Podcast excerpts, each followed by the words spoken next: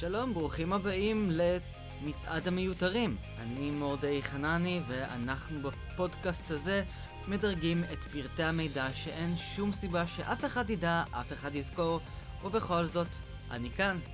אז בהנחה שכבר עשיתם לי לייק בדף של עושה רוח, אנחנו נצא לדרך עם עשרת האנשים שאיכשהו הנציחו אותם על שטר למרות שהם לא היו מנהיגים, גנרלים, משוררים גדולים, משחררי ארצות או כל דבר אחר שמזכה את נושאי או נשואי הגבורה בזכות להיות מונצח על שטר.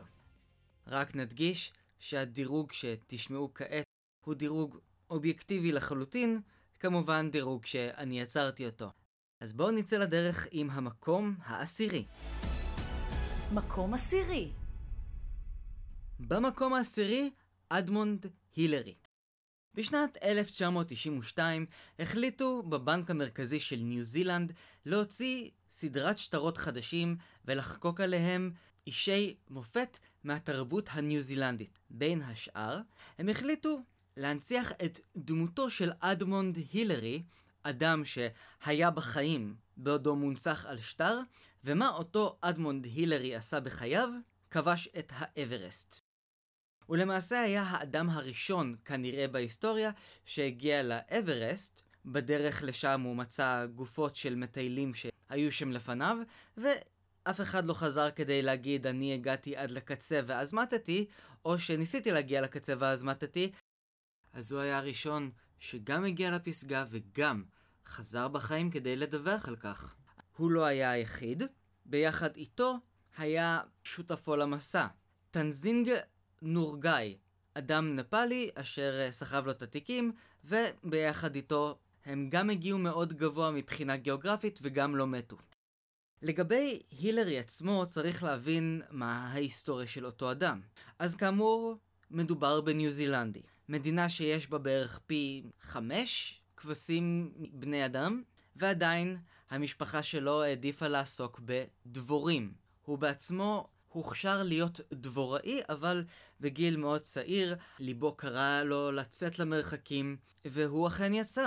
הוא כבש את פסגת ההר הגבוה בניו זילנד, הר קוק המשתרע לגובה של 3,754 מטרים.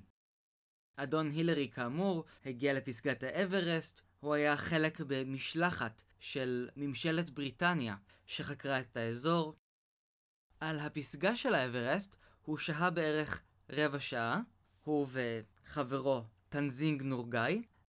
בשארית חייו הוא היה דיפלומנט ופילנטרופ, בין השאר הוא היה שגריר ניו זילנד בהודו, נפאל, בנגלדש, ויום אחד התקשרו אליו מהמשרד ואמרו לו, תשמע, יש דיבורים על כך שהפרצוף שלך הולך להופיע על כל שטר של חמישה דולרים ניו זילנדים, מה אתה אומר על זה?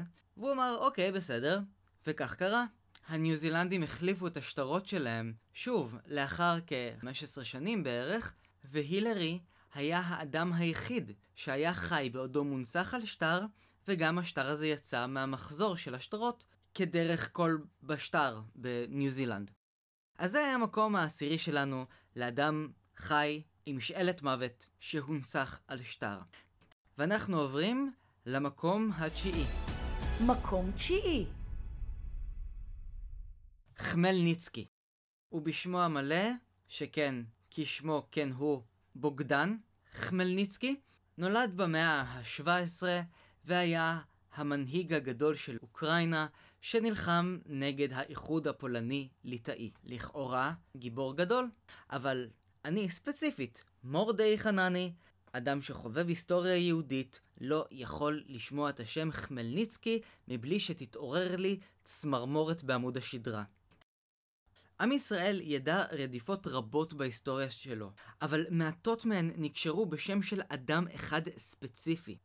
גירוש ספרד למשל, לא היה גירוש איזבל. חורבן בית שני, לא היה חורבן טיטוס. שמות כמו אנטיוכוס, פרעה, המן או חמלניצקי, אמנם גרמו אסונות במימדים פחות גדולים בערך מוחלט מאשר הגירושים ומעשי החורבן, אבל עדיין אותם שמות נחקקו בתודעה היהודית לדיראון עולם.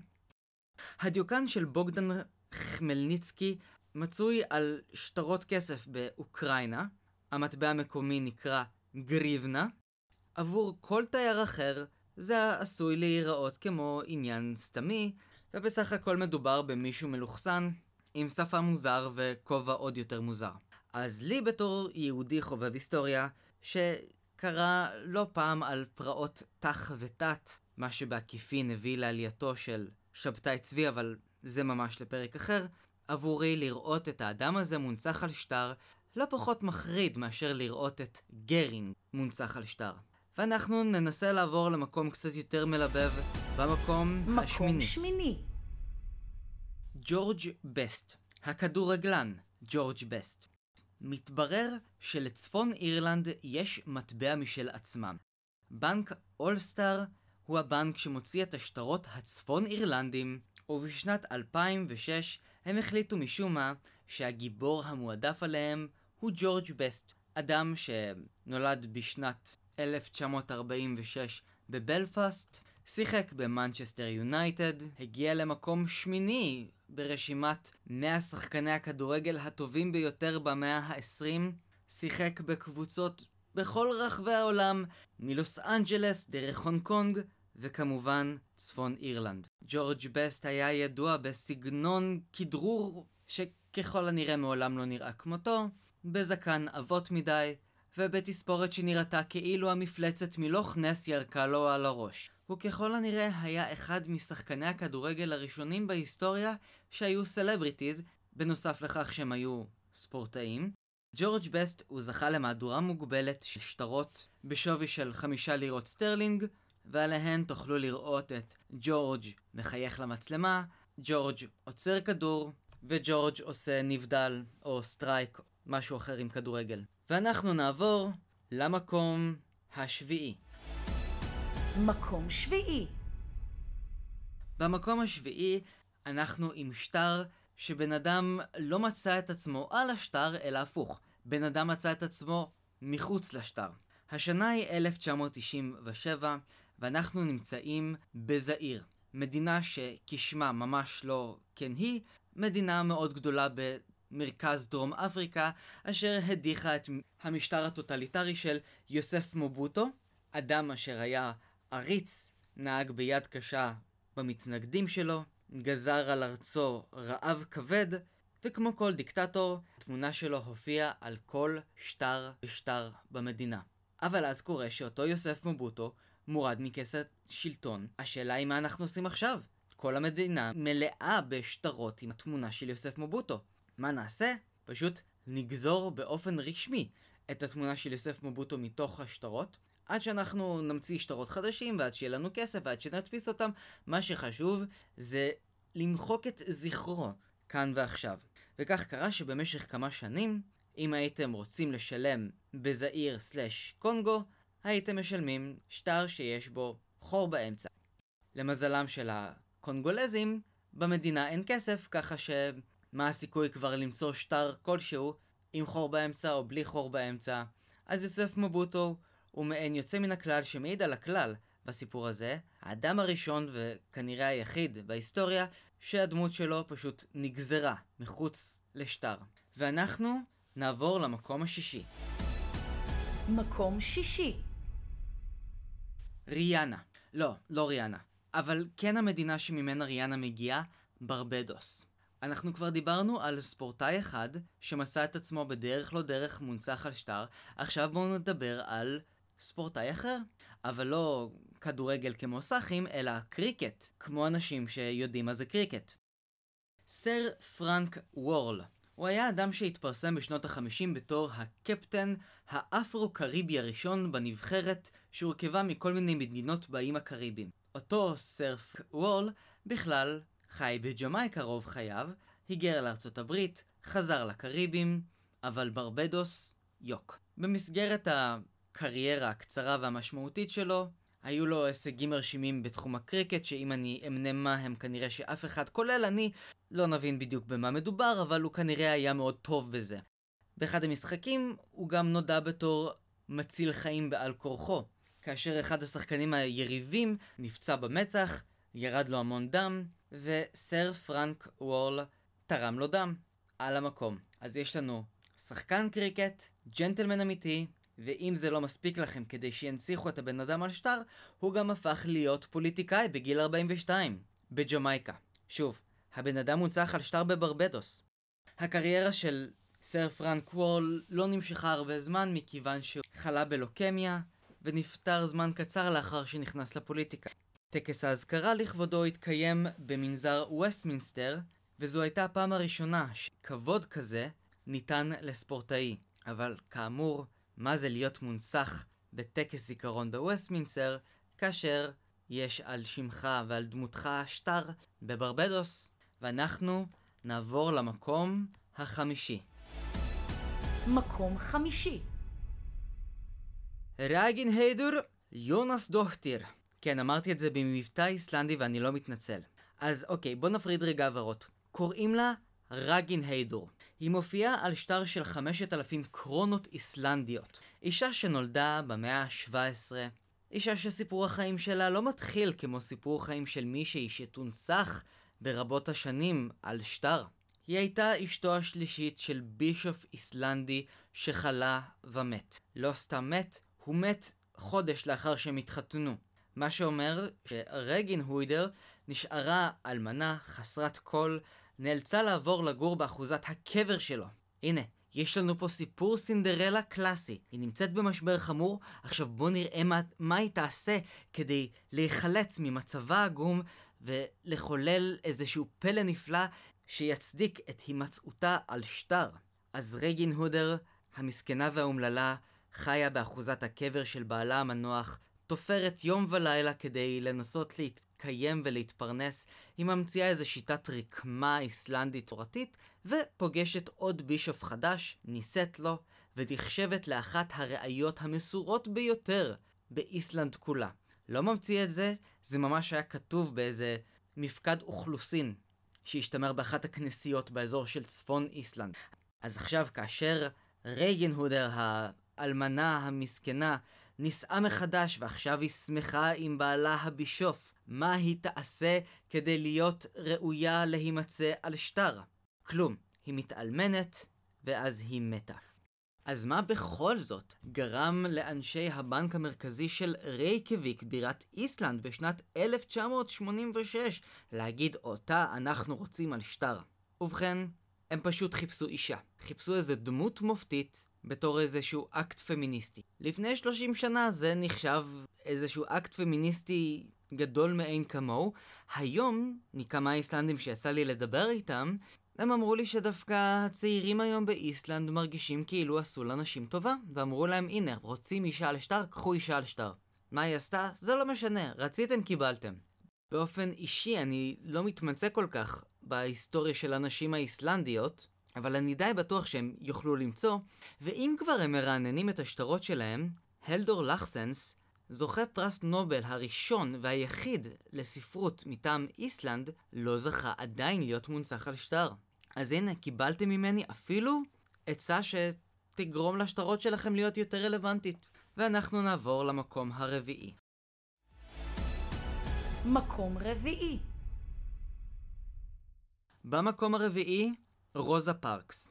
לא רוזה פארקס רוזה פארקס, אלא המקבילה הקנדית שלה, ויולה דזמונד. מסתבר שגם לקנדה הייתה מתנגדת קטנה. ויולה דזמונד הייתה אשת עסקים קנדית, בת לאם לבנה ואב אפרו-קנדי. כן, כבר באותם השנים זה נשמע די משונה. בשנת 1946, תשע שנים לפני המקרה המפורסם של רוזה פארקס, ויולה נסעה יום אחד לעבודה שלה בתור מוכרת של מוצרי טיפוח לנשים, כאשר המכונית משמיעה רעשים מוזרים, ויולה נעצרת בצד, מבינה שכנראה הלך הקרבורטור, או המנוע, או הגיר, או לקחה אותו למוסך, ואמרו לה תחזרי בעוד כמה שעות. מה תעשה ויולה בינתיים? נכנסה לקולנוע לצפות בסרט. לא היו חוקים רשמיים שאכפו את ההפרדה בבתי הקולנוע בניו גלזגו, ובתיאטרון לא היה שום סימן שמציין את המדיניות באשר להפרדה גזעית בין שחורים ללבנים. לדזמונד מכרו כרטיס שנועד לשחורים בלבד בשורות האחוריות של האולם, אבל מכיוון שהיא הייתה קצרת רואי, היא החליטה לרדת לקומה הראשונה, המקום של אנשים שלא לבנים אסור לשבת, והיא בכל זאת התיישבה. כאשר ביקשו ממנה בנימוס לזוז, היא הבינה שהיא היחידה מגזעה בכל הקומה הראשונה, ובכל זאת סירבה להחליף מקום, כאשר הסדרנים הוציאו אותה בכוח, הם הזמינו משטרה, היא בילתה 12 שעות בכלא, אבל זה לא היה הקש ששבר את גב הגמל והמקרה המזעזע שהרעיד את אמות הסיפים של החברה הקנדית. הקנס של 20 הדולר לא היה על כך שהיא ישבה במקום שנועד ללבנים בלבד. הקנס לא ניתן לוויולה בגלל שהיא ישבה במקום שנועד ללבנים בלבד. הסיבה ויולה נעצרה ונקנסה היה על העלמת מס. מה זאת אומרת?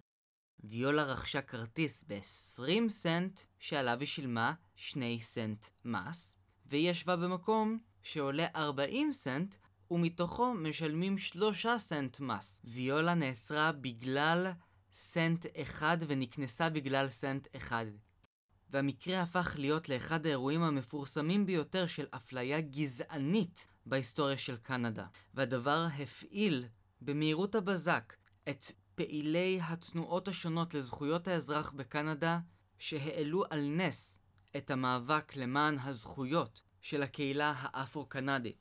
בשנת 2010 ויולה דזמונד קיבלה את החנינה שלאחר המוות, והיא הייתה הראשונה בקנדה שהממשלה מוחלת לה על פשע שהיא כביכול ביצעה בחייה.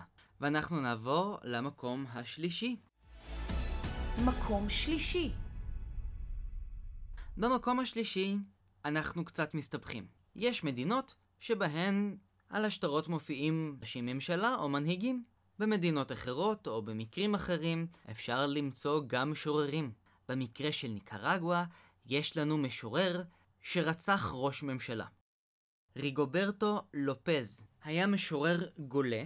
טוב, למעשה הוא היה חייט שעבד בעוד כמה עבודות כדי לסגור את החודש, אבל בואו נגדיר אותו בתור משורר.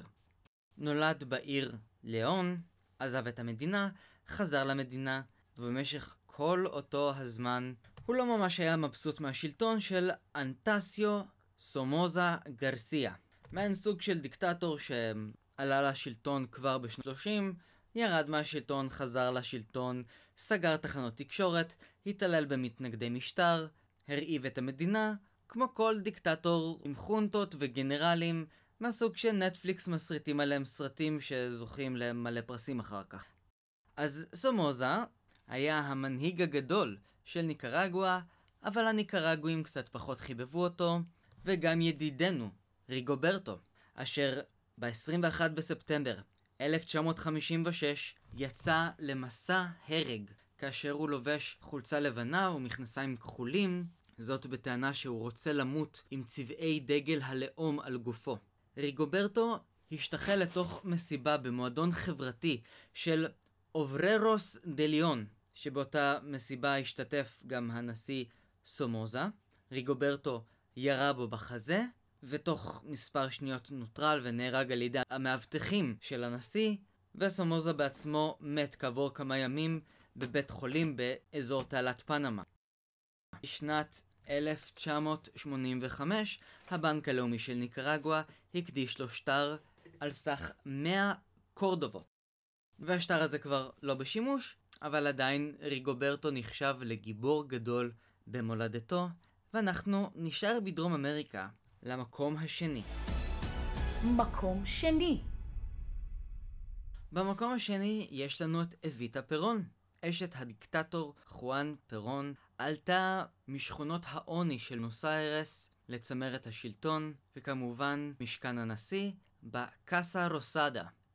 אביטה פרון מוכרת לרובנו מהסרט אביטה בגילומה של מדונה, או במחזמר שעלה בארץ עם שירי מימון. השאלה שנשאלת היא, מה לעזאזל חשבתם לעצמכם שלקחתם את הדמות של אביטה פרון, ובמה אתם כל כך מתגאים? אתם ארגנטינה. יש לכם מאות נשים מוצלחות, סופרות, מדעניות, פוליטיקאיות. אבל אביטה? כן.